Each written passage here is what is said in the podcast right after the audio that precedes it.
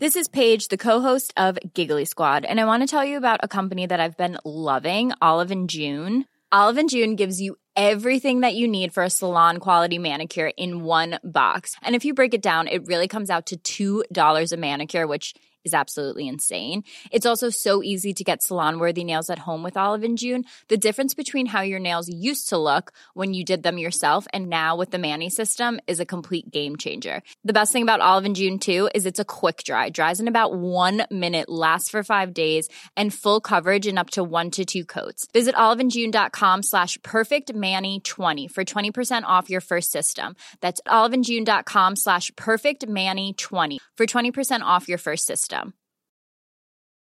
I'm Sandra, and I'm just the professional your small business was looking for. But you didn't hire me because you didn't use LinkedIn jobs. LinkedIn has professionals you can't find anywhere else, including those who aren't actively looking for a new job but might be open to the perfect role, like me. In a given month, over 70% of LinkedIn users don't visit other leading job sites. So if you're not looking on LinkedIn, you'll miss out on great candidates like Sandra. Start hiring professionals like a professional. Post your free job on linkedin.com/people slash people today. Hey, it's Ryan Reynolds, and I'm here with Keith, co star of my upcoming film, If, only in theaters, May 17th. Do you want to tell people the big news? All right, I'll do it. Sign up now and you'll get unlimited for $15 a month in six months of Paramount Plus Essential Plan on us. Mintmobile.com slash switch. Upfront payment of $45 equivalent to $15 per month. Unlimited over 40 gigabytes per month. Face lower speeds. Videos at 480p. Active Mint customers by 531.24 get six months of Paramount Plus Essential Plan. Auto renews after six months. Offer ends May 31st, 2024. Separate Paramount Plus registration required. Terms and conditions apply if rated PG. Vi är denna vecka sponsrade av Indie Beauty. Och Sofie, det här tycker jag är extra fint och extra roligt. Ja men Indie Beauty är ju ett skönhetsvarumärke som jag tror att väldigt många känner till, men det jag älskar mest det är att Indie Beauty liksom vill vara mer än bara produkter, vilket de ju också är. Exakt, Indie Beauty står ju för Independent Beauty, skönhet på dina villkor och för din egen skull. Och Indie Beauty tror ju stenhårt på ett alternativt skönhetsideal fritt från måsten, skam och känslor av otillräcklighet. Där är jag helt med Indie Beauty. Jag med. Det är så jag vill att skönhet ska vara. Ja men verkligen. Och vet du vad som är nytt för i år Sofie? Berätta. Från och med i år så skänker Indie Beauty 1% av sin försäljning till Suicide Zero, Tjejzonen och Djurens Rätt. Så när man handlar produkter från Indie Beauty så kan man liksom känna att man också ger tillbaka till samhället. Ja, kraften i tillsammans. Ska jag säga en sak nu då, som Mm. jag, det, men det är detta jag är extra glad över. Nu har Indie Beauty tagit fram en keps och den tycker jag ändå så på sommaren, skyddar sig från solen, Jättebra, jag älskar kepsen. men det bästa, de bidrar till Suicide Zeros viktiga arbete för att minska antalet självmord och självmordsförsök. Så för varje såld keps så går hela vinsten, 100 kronor, direkt till Suicide Zero. Då kan man liksom göra nytta både för samhället och sin hud på en och samma gång. Ja, och kepsen kostar 169, men alltså hela vinsten går då som sagt till Suicide Zero. Så om man vill göra skillnad när man är där ute i solen, nu när den börjar titta fram, då ska man välja den här kepsen. Den säljs exklusivt på indiebeauty.se och på Apotea. Tillsammans kan vi skapa en ljusare framtid. Vi ses med kepsarna på! Tack Indie Beauty. Hej! Du lyssnar på Ångestpodden Valspecial med mig, Ida Höckestrand. Och med mig Sofie Hallberg. Vi har sedan 2015 drivit Ångestpodden och försökt i den mån vi kan opinionsbilda i frågorna som rör psykisk hälsa och ohälsa. Inför valet i september 2022 driver vi kampanjen Tre minuter i veckan med syfte att ändra skollagen. En skolkurator med ansvar för tusen elever har tre minuter i veckan åt varje elev. Det är inte hållbart. Vi vill att man i skollagen inför ett maxtak på hur många elever en skolkurator får ansvara över. Vårt förslag är 400 elever per skolkurator. Vi har bjudit in partiledarna från alla svenska riksdagspartier för att diskutera saken med dem. Vi vill gå och rösta väl medvetna om vad partierna vill göra i frågorna som rör psykisk ohälsa, elevhälsa och Sveriges framtid. Välkomna till poddspecialen 3 minuter i veckan. I avsnitten pratar vi om en rapport vi gjort genom två omfattande enkätundersökningar. För att ta del av dem och skriva under vår namninsamling för en ändring av skollagen, gå in på 3minuter.se. Den sjunde partiledaren vi träffar i Ångestpodden är moderaten och statsministerkandidaten Ulf Kristersson. Moderaterna säger att de vill öka kraven på samverkan mellan elevhälsa, socialtjänst och BUP och de lägger också vikt vid sexuella övergrepp och att det borde ingå som en rutinfråga i hälsosamtalen. Hur ska det här då se ut i praktiken? Vi börjar varje inspelning med att visa vår kampanjfilm 3 minuter. Filmen finns även den att se på 3minuter.se. Hej Ulf och varmt välkommen tillbaka till Ångestpodden. Tusen tack. Eh, du ska få berätta för de som inte vet, vem är du? Vem är jag? Ulf Kristersson, ehm, partiledare för Moderaterna är väl kanske det som de flesta känner till. Trebarnspappa, född skåning, uppvuxen i Sörmland med en fru som snart är präst. Mm. Det är väl en, ja, lite grann. Mm. Du hade ju faktiskt redan sett vår kampanjfilm Mm. men du fick se den nu igen. Eh, vad, vad är dina första tankar när du ser tre minuter i veckan? Ja, det första är ju att det kanske är lite märkligt att det är en fin film tycker jag. Mm. jag verkligen. Jag tycker den, den, den ger en känsla av att man förstår man förstår vilken situation han befinner sig i. Man förstår nästan vad hon nog frågar honom i början. Så illa mår jag inte. Mm. Så, så dåligt mår jag inte. Och sen hela känslan är att han är... Ja, ja, men jag tycker man får en känsla av ångest, ensamhet, eh, rädsla till och med faktiskt. Mm. Det, ja, det låter inte så fint men jag tycker när man ser den så är det ändå fint. För jag tror den beskriver ganska väl hur, hur ganska många människor känner sig oftare än vi tror. Mm. Ja. Den här frågan fick du förra gången du Mm. gästade oss, men du ska få den igen. Eh, vad tänker du på när du hör ordet ångest? Jag tänker, dels tänker jag som eh, mycket fullvuxen att ångest är ett ganska ladd, för mig är det ganska starkt att ha ångest. Mm. Eh, Sen, sen tänker jag också på att det, att det kanske att människor idag beskriver det. Jag hör ju hemma eh, med, med tre tonårsdöttrar och då är inte varje gång lika starkt här, innehåll som jag kanske tänker på utan man har liksom ångest inför ett prov eller Mm. ångest inför men ändå att det är en känsla av att, att inte ha kontroll. Känsla av att man befinner sig i ett utsatt läge skulle jag säga. Det, så det har säkert lite olika men att det är uppenbart att man inte mår, inte mår helt bra. Det är alldeles helt uppenbart. Mm. Men vi vill ju tacka dig och Moderaterna för att ni är här idag och vill prata om psykisk ohälsa med oss faktiskt för andra året, eh, andra valrörelsen i Mm. radio. Mm. Men vi tänkte ändå börja i din uppväxt. Du är född i Lund och uppvuxen i Eskilstuna. Mm. Hur ser du tillbaka på din uppväxt? I allt väsentligt väldigt harmoniskt ska jag säga. Jag liksom levde i en hyggligt välfungerande familj som höll ihop med helt vanliga, helt vanliga föräldrar, två syskon. Eh, väldigt typisk svensk småstad, småstadsmedelklass kan man väl säga. Så det, var, det var ingen dramatik varken uppåt eller neråt. Inget sånt. Ehm, I skolan så eh, det är klart att jag varit, jag blev aldrig mobbad. Jag har varit med i situationer där, där folk har blivit mobbad. Jag har några få gånger också varit modig och gripit in. Det är säkert gånger när jag inte har gripit in, där jag borde ha gripit in. Men i huvudsak tycker jag att det har liksom funkat, funkat rätt bra. Så jag, jag har inget minne av att man liksom pratar om de här sakerna nästan, nästan alls, ska jag säga.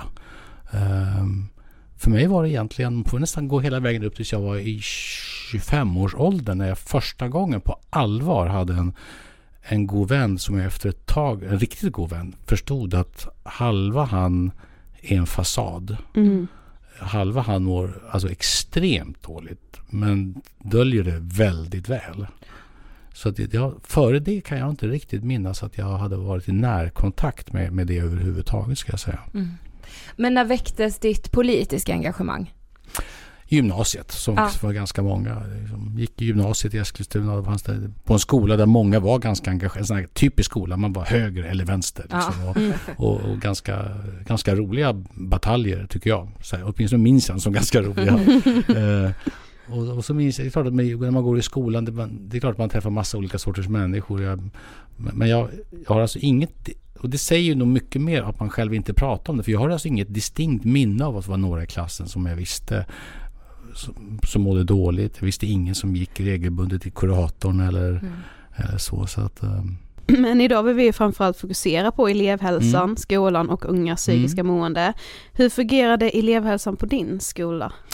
Jag tyckte de få gånger jag hade kontakt med det, men det var ju väldigt mycket den somatiska som vi säger. Alltså, ja. alltså, du vet, allt det där funkar ju tyckte jag väldigt bra. Man var inkallad för kontroller av alla möjliga saker. Ställa mm. i led och få en vaccin. Mät ryggen. Och... Mät ryggen och mät alla massa andra kroppsdelar också för den delen. Nej men det var väldigt mycket sådär ganska rätt upp och ner liksom. Ja. No, inga konstigheter. Och, och, det tror jag också mina föräldrar var väldigt trygga i. Att mm. där, det funkade. Men jag kan inte, inte, har inget som helst minne av att man pratade om andra saker än det rent fysiska. Utan det var liksom lite en sån här du vet så här BVC-kontroll. Ja, man kollar, man följer sin viktkurva ja, och sin längdkurva. Och, och, där har vi varit besatta och duktiga i Sverige under jättelång tid. Men vi har ju inte alls varit duktiga på det andra. Utan allt som är lite så här fyrkantigt mätbart, mm. det är vi mm. ganska bra på. Ja, det gillar vi. Det, men det, det är någon slags ingenjörsmentalitet. Ja, ja verkligen. Absolut. Det är, mm. Mina föräldrar var nog lite sådana också. Så jag ska säga att nu har jag ju varit gift i väldigt många år. Min hustru då, som, som jag sa är snart är präst. Hon har ju alltid varit mycket mer intresserad av de andra dimensionerna än det som kan mätas i centimeter och, och antal vaccinationer och så här. Så mm. jag tycker att jag åtminstone fattat mer av det. Ja. Men i skollagen idag så står mm. det ju att varje elev ska ha tillgång mm. till, mm. bland annat då skolkurator och skolsköterska. Eh, vad betyder tillgång till ja. för Moderaterna? Ja, och man kan säga att det första, det, det vi lever upp till idag är inte det. Utan det, det är som alltid, när lagstiftningen är luddig då blir svaret luddigt. Det tror jag man kan säga. Så att ja, vi tycker ju egentligen två rätt distinkta saker. Det ena är att det är konstighet att just eleverna när det gäller både fysiskt och psykiskt välmående så ligger ansvaret på skolan. Så jag tror att det hade varit mycket... Alltså jag, jag har hög respekt för rektorer men att rektorerna ska vara bra på, på de här medicinska och psykologiska frågorna det tror inte jag helt enkelt. Utan jag tycker man skulle ha ett samlat ansvar för detta och att, att det ska ligga under primärvården med fungerande skolläkare, med skolhälsovård och så. Men alltså att inte varje skola som ska behöva hitta på det där själva. För då blir det så här, nu har vi tillgång tre minuter eller kanske mm. i bästa fall tre timmar någon gång. Eh, men väldigt olika, väldigt olika helt enkelt. Och ingen enskild skola kan veta när man behöver mycket av det och när man behöver lite av det. Det kan gå ganska mycket i vågor där. Jag skulle tro till exempel ta under pandemin så tror jag alla skolor i Sverige var underdimensionerade i detta. Man såg ju inte ens eleverna. Jag följde det där hemifrån när jag hade två gymnasietjejer som jobbade hemma. Mm. Alltså många, nu var vi hemma mycket också men de som lämnade sina barn och ungdomar hemma ensamma. Jag tror det var väldigt mycket som vi aldrig märkte överhuvudtaget. Mm. Så vi tycker att det ska vara, det borde tvärtom vara så här, samma hälsovård, sjukvård som bär ansvar för alla andra människor bär också bär ansvar för elevhälsan. Och elevhälsan ska vara speciell naturligtvis. Mm. Och att i skollagen ska föras in ett ansvar för vad ska ske då. Alltså vad, vad måste man tillhandahålla inom ramen för um, för den, den så normala sjukvården. Mm. Och då måste man vidga det från bara det somatiska till också det som handlar om psykisk ohälsa. Ja, för Moderaterna tycker att det behövs en tydligare samverkan mellan elevhälsan, socialtjänsten och BUP. Ja. Varför då? Jo, men det är också en sak. Alltså, socialtjänsten vet ju ofta väldigt mycket om familjer som har olika bekymmer. Väldigt mycket. Eh, skolan det finns ofta en väldig frustration på skolan. Man anmäler olika saker där man är orolig för elever. Och så går det in i ett mer eller mindre svart hål. Och så får man aldrig någon återkoppling. Och jag förstår ju den välmenande tanken bakom detta. Att man är rädd om integriteten. Och så här. Men ska skolor kunna göra rätt också så måste de Ofta går det att lösa ganska bra genom att man sluter ett avtal med föräldrarna. Att man får prata med varandra. Jag är jätterädd att, och jag kan komma tillbaka till det sen, att olika människor, olika aktörer vet små, små pusselbitar. Mm. Men ingen pusselbit är så stor att man blir riktigt orolig. Jag har själv varit med om det flera gånger. När man sen lägger pusslet i efterhand, då inser man vidden av problemet.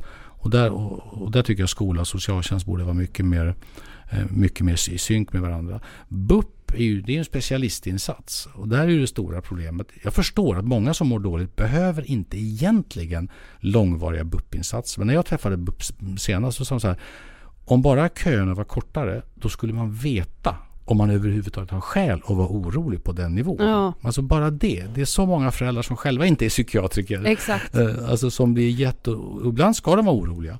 Ibland oroar de sig ganska rejält i onödan också. Och då kan vi inte ha ettåriga väntetider till BUP i Sverige. Det, det är faktiskt det är terror för de familjerna. Eh, men hur tänker du, eller liksom hur tänker ni Moderaterna att den här samverkan, alltså rent konkret, hur ska den se ut? Ja, det ena handlar naturligtvis om att se till att sekretesslagstiftningen inte är sådan att den snarare skapar problem utan att den ska hjälpa den enskilde. Och återigen, det, kräver ju, jag förstår mycket väl att sekretess behövs och sådär. Eh, Men vi har idag så stora med sekretessen. Vi- kanske ska prata sep- separat om självmord sen, men alltså i självmord är det helt extremt. Där lägger sekretessen alltså hinder för att efter ett självmord på allvar reda ut vad gjorde vi för att undvika detta? Så om man jämför med alla andra medicinska bekymmer där man verkligen, verkligen rannsakar. Den här operationen gick åt skogen. Vad hände här? Eh, Så är det bara ett svart hål när det gäller, när det gäller alltså självmord kopplade till psykisk ohälsa som det nästan alltid är. Eh, Så, så det finns inget lärande efteråt. Det tycker jag är hånfullt mot de som utsätts för detta. Så att sekretessen är ett, ett stort bekymmer och att vi inte har en lagstiftning som tvingar fram kortare eh, kötider till BUP. Vi har ju vanlig vård så har man ju tre månaders garanti formaliserat och, det, och de verkligen mäts på detta. På BUP finns det en rekommendation om 30 dagar. Exakt. Och jag nog tittade, sist jag tittade så var det allt ifrån några få län i Sverige som är nästan perfekta. Gotland hade nästan 100 procents eh, måluppfyllelse, alla på plats. Var det Västernorrland hade nästan motsatsen. Det var ingen som kom i, i tid. Eller fick hjälp i tid. Nej. Och det borde bli lag där också. Det är också ett sätt för staten att visa att den här delen av hälsovården är nu vik- lika viktig som all traditionell del av svensk hälsovård. Mm. Men om man då bara fokuserar på just elevhälsan, hur ska man förbättra elevhälsan och göra den mer jämlik över hela landet? Jag, jag tycker att det rimliga sättet är att helt enkelt se till att den omfattas av samma lagstiftning som den vanliga hälsovården. Så att det inte är någon skillnad där. Att det inte blir upp till varje skola, liksom, eh, deras förmåga att attrahera rätt person på rätt tidpunkt. Utan att man har en, en, en, en elevhälsovård som är en del av den vanliga sjukvården med samma lagstiftning som finns i den vanliga sjukvården.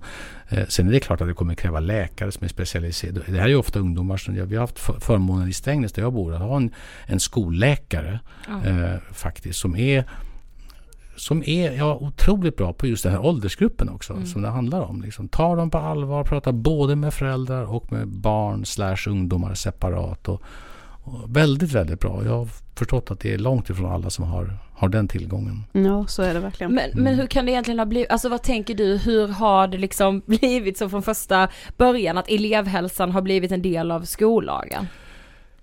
Ja, det där är en bra fråga tror jag. Det alltså, jag vet inte om det möjligen bygger på att, att, ehm, att det var trots allt lite förr med lite löpande bandprinciper. Det handlar Ja. om att fixa vaccinationer. Det handlar om att göra liksom ganska rutinartade hälsokontroller. Mm. Då ställer man upp dem. Då kunde man flytta runt alla. Idag, idag är de här helt enkelt. Precis. Mm. Då ställer man upp klassen utanför, utanför. Och det där funkar inte riktigt så längre. Och framför allt funkar det inte så för någonting som är i närheten av psykisk ohälsa. Jag har inget emot löpande bandsprincipen eller vaccination. Det tror jag är utmärkt. Men, men det här andra är inte riktigt av den karaktären faktiskt. Nej. Men ni tycker då att man liksom, att lagstiftningen ska tydliggöra ansvarsfördelningen och öka kraven på just den här samverkan mellan elevhälsan och socialtjänsten och BUP. Men redan idag så är ju skolkuratorerna väldigt tidspressade. Skulle det inte sätta ännu mer press på en skolkurator om de också då enligt lag ska ha en samverkan mellan socialtjänsten och BUP även? Men så, och det kan man säga och det kan man säkert säga om socialtjänsten också. Att de tycker att de har så många uppgifter redan. Men jag tror också att det blixtbelyser att det, det här är ett antal professioner där vi saknar vi behöver fler människor som, som vill ha de jobben.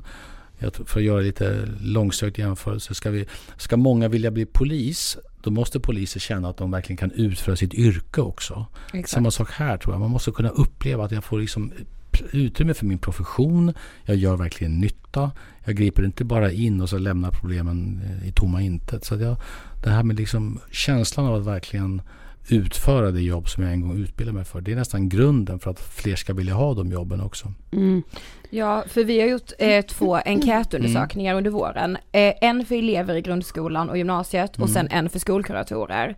Eh, och sen har vi också gjort fokusgrupper där vi har mm. träffat elever, skolkuratorer, föräldrar mm.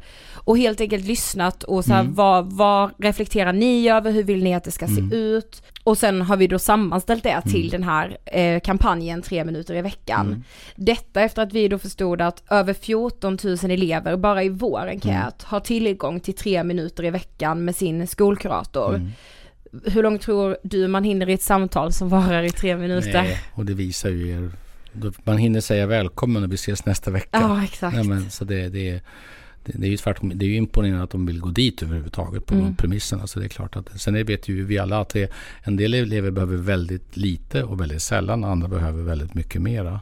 Det är väl också där jag tror socialtjänsten är extra viktig. För att om det är hyggligt välfungerande familjer så, är det ofta, så tror jag familj, föräldrar relativt ofta ser. Så det är, det är inte alltid säkert att ungdomar vill prata med föräldrar i alla fall. Men man, man har ändå liksom ett öga för det där och, och liksom hjälper till. Eh, har, om föräldrarna också har bekymmer, då kan man nästan säker på att det finns ingen som kommer upptäcka detta eller se någonting. Och då måste socialtjänsten bli bryggan över också. Säga. Den här eleven som har det tufft hemma eh, måste få hjälp i skolan och på andra ställen. Mm. Eh, för att liksom ha något som väger upp eh, hemmet. Mm. Och det där, jag tror vi missar mycket av det idag. Mm. mm.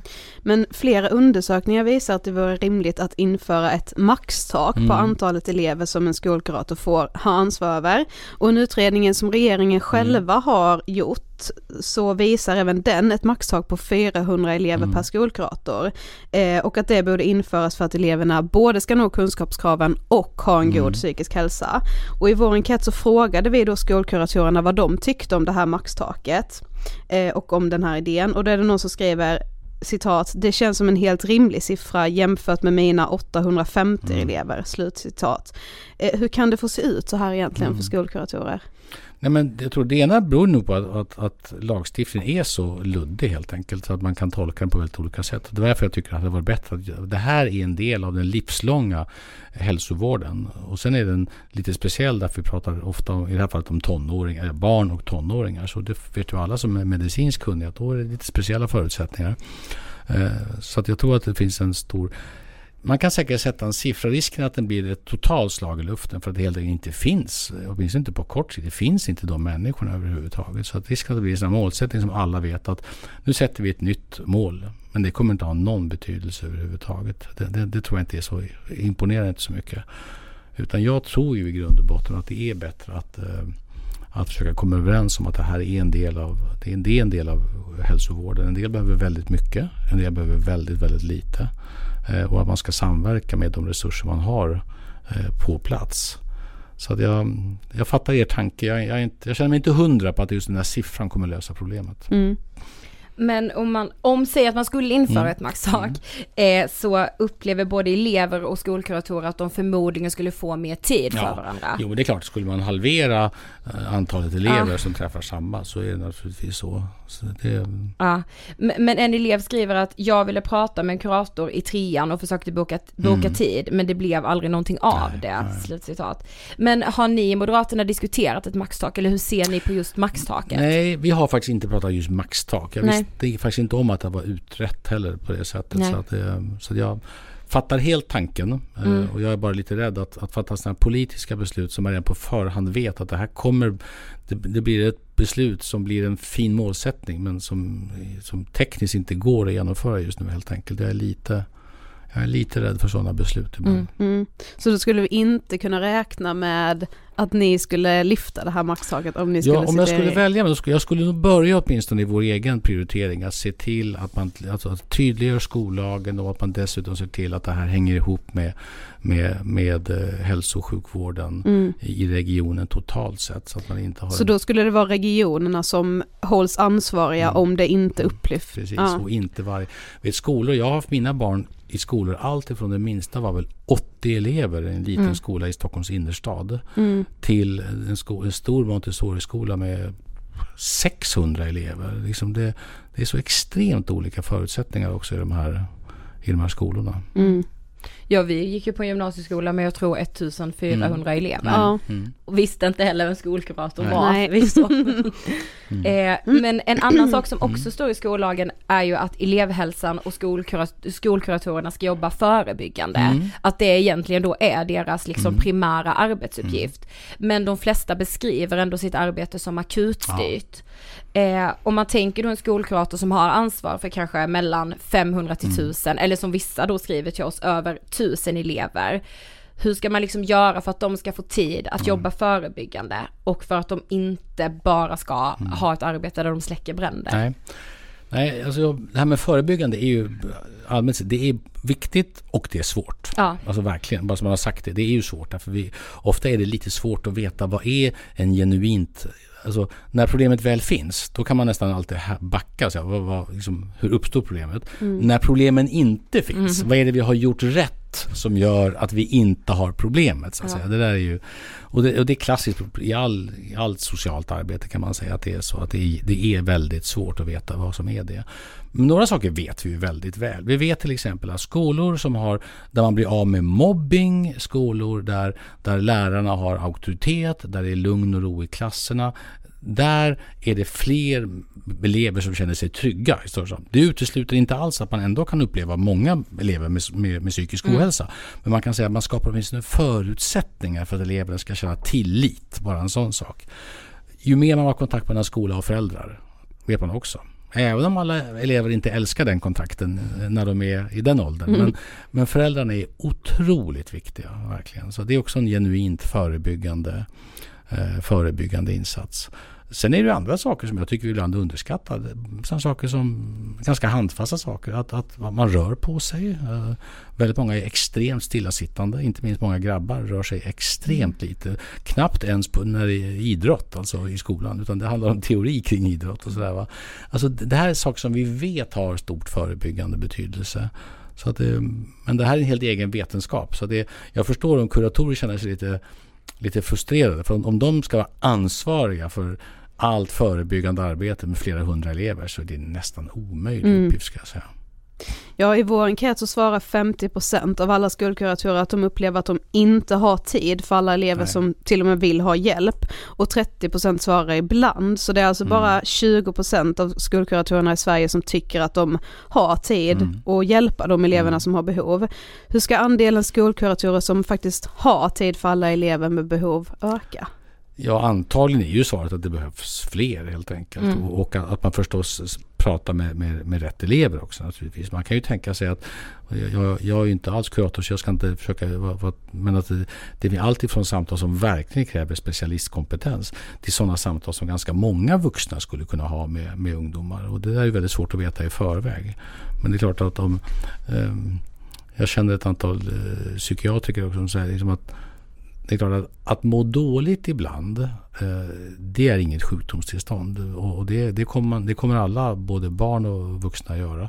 Och att kunna prata med någon om detta är otroligt viktigt. Så det finns säkert en signal där också som egentligen är ett annat problem. Att själva måendet inte är den stora faran, men att man inte har någon att prata med. Att man är ensam, att man liksom inte har vuxna i sin närhet som, som ser, som fattar och som bryr sig. Det tror jag är ett rätt stort problem eh, för människor. Där, där egentligen själva ohä- psykiska ohälsan i sig skulle kunna vara ganska hanterbar faktiskt. Men jag tänker också att just som skolkurator att det måste bli mer attraktivt att jobba och då måste man ju veta att man, som vi var inne på tidigare, att så här, jag får utföra mitt arbete utan, alltså många berättar också att så här, rektorn kommer till skolkuratorn och säger, nej men jag har en stökig kille i den här klassen, kan du fixa det? Och att skolkuratorn liksom blir den som ska lösa stökiga elever. Det går ju inte. Alltså, det Nej. där, alltså, ärligt talat, där, där har vi också en del ganska handfasta förslag. Att när det gäller bara det är klart att allmänt stökiga elever det är också ett varningstecken på någonting. Men, men alltså, man kan inte utgå från att alla som stökar, alla grabbar höll på att säga, som stökar, att alla är utsatta för allvarlig psykisk ohälsa. Så, utan, ibland handlar det om också bara skärp dig. Liksom. Lägg av. Håll tyst i klassen och om du inte gör det så plockar vi ut det för klassrummet. Precis. Så, att liksom att, så att man kan liksom inte curla bort alla sådana problem utan lite handfasthet där och det måste lärare och rektorer ha mandat att göra. Hälften av, jag såg en enkät nu, hälften av alla landets lärare säger att de har blivit utsatta för fysiskt våld eller hot om våld. fysiska saker. Och var tredje elev säger att det är så stökigt i klassrummet att de inte får studiero.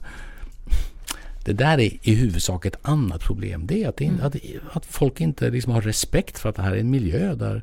Tänk om det hade varit så i vanliga, era, era och mina vanliga arbetsplatser. Mm. Hälften var utsatta för våld mm. och var tredje inte kunde koncentrera sig på jobbet. Då hade vi blivit anmälda till Arbetsmiljöverket allihop. Precis.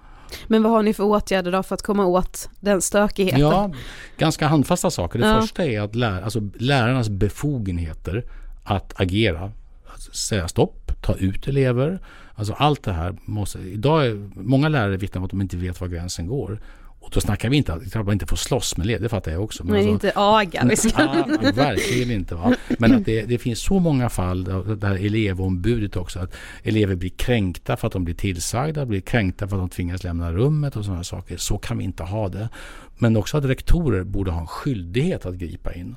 Det är rektorerna som är arbetsledare för alla lärarna och ytterst ansvariga för sin skola att hålla grundläggande ordning och reda och studiero det är en helt fundamental del av rektors arbetsuppgift. Och så är det inte idag. Utan där tycker jag de ska ha lagligt stöd för, för detta. Mm. Ja, och jag tänker att det också hänger ihop med att man då kanske lastar över det på skolkuratorn. Det var en mm. jätteenkel lösning för alla andra än för skolkurator. Ja, precis. Mm. precis. Men något annat som eh, ni också skrev på er hemsida mm. kopplat till elevhälsan är sexuella övergrepp och att det borde ingå som en rutinfråga eh, i hälsosamtalen. Mm. Mm. Varför är det viktigt tycker ni? Därför det finns rätt mycket vittnesmål nu att inte minst, ja, det här drabbar killar också men framförallt är det tjejer som drabbas från, från högstadiet och uppåt. Alltså att, eh, att mycket som kan verka som allmänna trakasserier eller mobbning egentligen är ganska grova sexuella anspelningar, sexuella övergrepp och mm. sånt där. Eh, och det här är fullständigt, och de syns sällan för de äger inte rum liksom mitt ute i, i korridoren. Eh, så jag tycker att man ska ha den sortens rutiner när man pratar med, med barn. Det kan vara lite jobbiga frågor att ställa naturligtvis, så är det ju. Eh, men på samma sätt som tar jag annan hälsovård är ganska bra rutiner nu när, med kvinnor som söker vård för andra saker men som visar minsta tendens att bli våldsutsatta. Så finns det ganska färdiga liksom, frågemanualer så, här, liksom, mm. så här, för att verkligen screena av. Så här, är det egentligen en person som, där, som är utsatt för våld hemma? Våld i nära relation som det heter lite byråkratiskt. Så här. Jag tror man ska vara noga med det här också. Med, för att om man möts av den sortens sexualiserat våld när man är tonåring, då tror jag man får otroligt skev bild av hur människor beter sig mot varandra som vuxna sen. Mm. Men hur viktigt tror du att det förebyggande arbetet är för Sveriges framtid? Som jag sa, alla fattar att det är viktigt. Men då måste man också ha en lite mer precis uppfattning om vad som är förebyggande. Och det, där, och det är därför jag lite skeptisk. Alla slänger sig med mycket förebyggande. Som om, som om varenda, liksom, varenda fritidsgård är en jättelik förebyggande insats. Så är det faktiskt inte. Vi har exempel där fritidsgårdar tvärtom är eh, motsatsen. Där man, man lär sig fler dumheter än där man... Så att eh, vi vet en sak. Jag har ju sysslat mycket med, med socialt utsatta barn på olika sätt. Då vet vi en sak väl beforskat och det är att barn som växer upp i familjer som, är, som har problem men alltså inte så allvarligt problem att man tar barnen ifrån familjen. Men mm. alltså dricker för mycket, psykisk ohälsa. Eh, det kan vara att, man, att det finns våldsamheter hemma. Men alltså, alltså funkar ibland och inte funkar alltid. Då. De barnen har en tuffare start än alla andra barn. Om de lyckas i nian, om de går ut nian med okej okay, eller till och med bra betyg då är det mycket liten risk att de själva får samma problem senare. Mm. För då har de liksom en egen grund att stå på. Vi kanske inte kan hjälpa deras föräldrar med allt som vi önskar, men barnen får en egen bas. Om samma barn som har det tufft från början, om de misslyckas i skolan, går ut nian utan betyg och kommer in på gymnasiet, då vet vi att riskerna för allt, alltså riskerna för allt från självmord till brottslighet till eh, alldeles för tidiga graviditeter till allt är mycket, mycket större. Och där tycker jag, för mig är det en sån där kristallklar signal att, att få tonåringar att lyckas i skolan, det är liksom den mest preventiva insats vi kan göra av nästan allting. Sen önskar man att man kunde hjälpa deras föräldrar att bli fria från missbruk eller hjälpa dem med, med, med eh, psykiatri eller andra saker också. Men även om vi inte lyckas med det så kan vi liksom inte offra nästa generation på det tycker jag. Det är en slags rättvisefråga. Mm. Eh, den här har alla partiledare mm. fått, men om du får välja bara en åtgärd för att öka den psykiska hälsan ja. bland barn och unga, ja. vad skulle du välja då? det är otroligt svårt. En enda sak. Ja, en sak som kanske är så självklart som man inte tänker, det, det är ju att prata om det. Alltså, det, det är bara en sån sak att, att om, föräldrar, om föräldrar och barn slash ungdomar oftare pratar om detta så skulle så otroligt mycket vara vunnet. För att det skulle, bara det i sig vara till hjälp för många. Det skulle vi tidigt identifiera där det finns skäl att vara bekymrad på riktigt. Så att prata med den, men också att prata med varandra om det. Jag, som jag antydde, några gånger i mitt liv har jag varit med i situationer där vi när det är alldeles för sent efter ett självmord. Mm. Det har faktiskt totalt sett hänt tre gånger i mitt liv i helt olika sammanhang. Så jag tror inte det finns ingen röd tråd i detta ämne. Där vi efteråt har lagt pusselbitarna och förstått att av alla släktingar, vänner, föräldrar hade liksom fattat, pratat med varandra och gjort rätt saker i rätt tid. Då hade vi nog kunnat förebygga detta faktiskt. Mm. Det tycker jag är en sån plågsam insikt efteråt ska jag säga. Mm. Uh, och den går inte att lagstifta fram riktigt. Det måste ju vara att människor liksom, och att vi ibland också vågar genomskåda varandra. Att den här den lyckliga fasaden, den, den kan vara lycklig men den behöver inte vara lycklig. Liksom. Och, och det här gäller ju även väldigt så här, högpresterande eh, många ungdomar mm. som är verkligen liksom, gör sitt yttersta, var superduktiga på allting. Jag är ju väldigt mycket för idrott som ni kanske förstår. Jag tycker mm. om att folk rör sig och jag har tävlat mycket själv. Och så här. Men, men även i idrottsvärlden så uppmärksammas det nu en hel del. Så här, mm. Med extrema prestationskrav och halvdåligt eller direkt dåligt ledarskap. Ja. Farlig kombination. Riktigt farlig. Jag vet, inte, jag vet den amerikanska stjärngymnasten Simone Biles. Mm. Hon som var spådd att hon skulle vinna alla grenar i. Mm. Och liksom, nästan i protest liksom, och, och väckte ett samtal i, i elitidrotten i, i, i, USA som var otroligt viktigt tycker mm. jag. Så att även, att även idrottsrörelsen rannsakar sig själv lite grann. Mm. Vi ska avsluta med lite mm. snabbfrågor ja. som vi har fått från våra lyssnare. Mm. Eh, och det får också alla partiledare. Mm. Eh, öppna era hjärtan eller stäng gränserna. Nej, varken eller, men man kan öppna era hjärtan kan inte betyda att det kommer så många invandrare till Sverige att vi inte klarar integrationen. Eh, friskolor, ja eller nej? Jag är för friskolor också. Mm. Jag är för alla bra skolor. eh, betyg redan från lågstadiet eller högstadiet?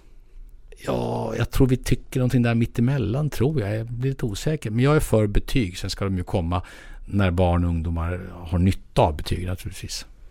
Eh, prata med alla partier eller med bara vissa utvalda? Man pratar alltid med alla partier. Sen blir man inte överens med alla partier. Men har respekt även för den vars åsikt man inte delar. Det är för mig kärnan i demokratin. Samarbeta med Sverigedemokraterna, ja eller nej? Där man tycker lika ska man absolut samarbeta. Där man tycker olika ska man stå upp för det. Eh, ska det vara olagligt att marknadsföra retuscherade bilder? I Norge till exempel är det ju det. Intressant, mm. det är så? Ja. Mm. De har så, alltså, så som vi har i Sverige med att vi måste annonsmärka, så Aha. måste de även märka när de har typ retuscherat en bild som de använder. Intressant. Mm. Nej, jag kan inte den frågan riktigt. Det låter som en, en av många spännande frågor som digitaliseringen för med sig. Ja, ja mm. verkligen. Precis, precis. Eh, har vi ett orimligt skattetryck i Sverige, ja eller nej? Ja, det är för högt. Vi har för höga skatter i Sverige, ja. Eh, och vem blir statsminister i september 2022 så vi vet vem vi lämnar över namninsamlingen till. jag gör just nu allt jag kan för att eh, vi ska vinna det här valet och om vi gör det så kommer jag bilda nästa regering i Sverige. Mm. Tack så jättemycket för att du gästade Ångestpodden. Tack så mycket. Tack.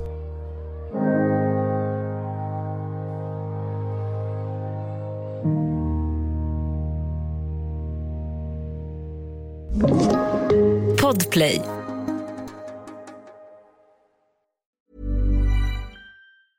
Planning for your next trip? Elevate your travel style with Quince. Quince has all the jet setting essentials you'll want for your next getaway, like European linen, premium luggage options, buttery soft Italian leather bags, and so much more. And is all priced at 50 to 80% less than similar brands. Plus, Quince only works with factories that use safe and ethical manufacturing practices. Pack your bags with high-quality essentials you'll be wearing for vacations to come with Quince. Go to quince.com/pack for free shipping and 365-day returns.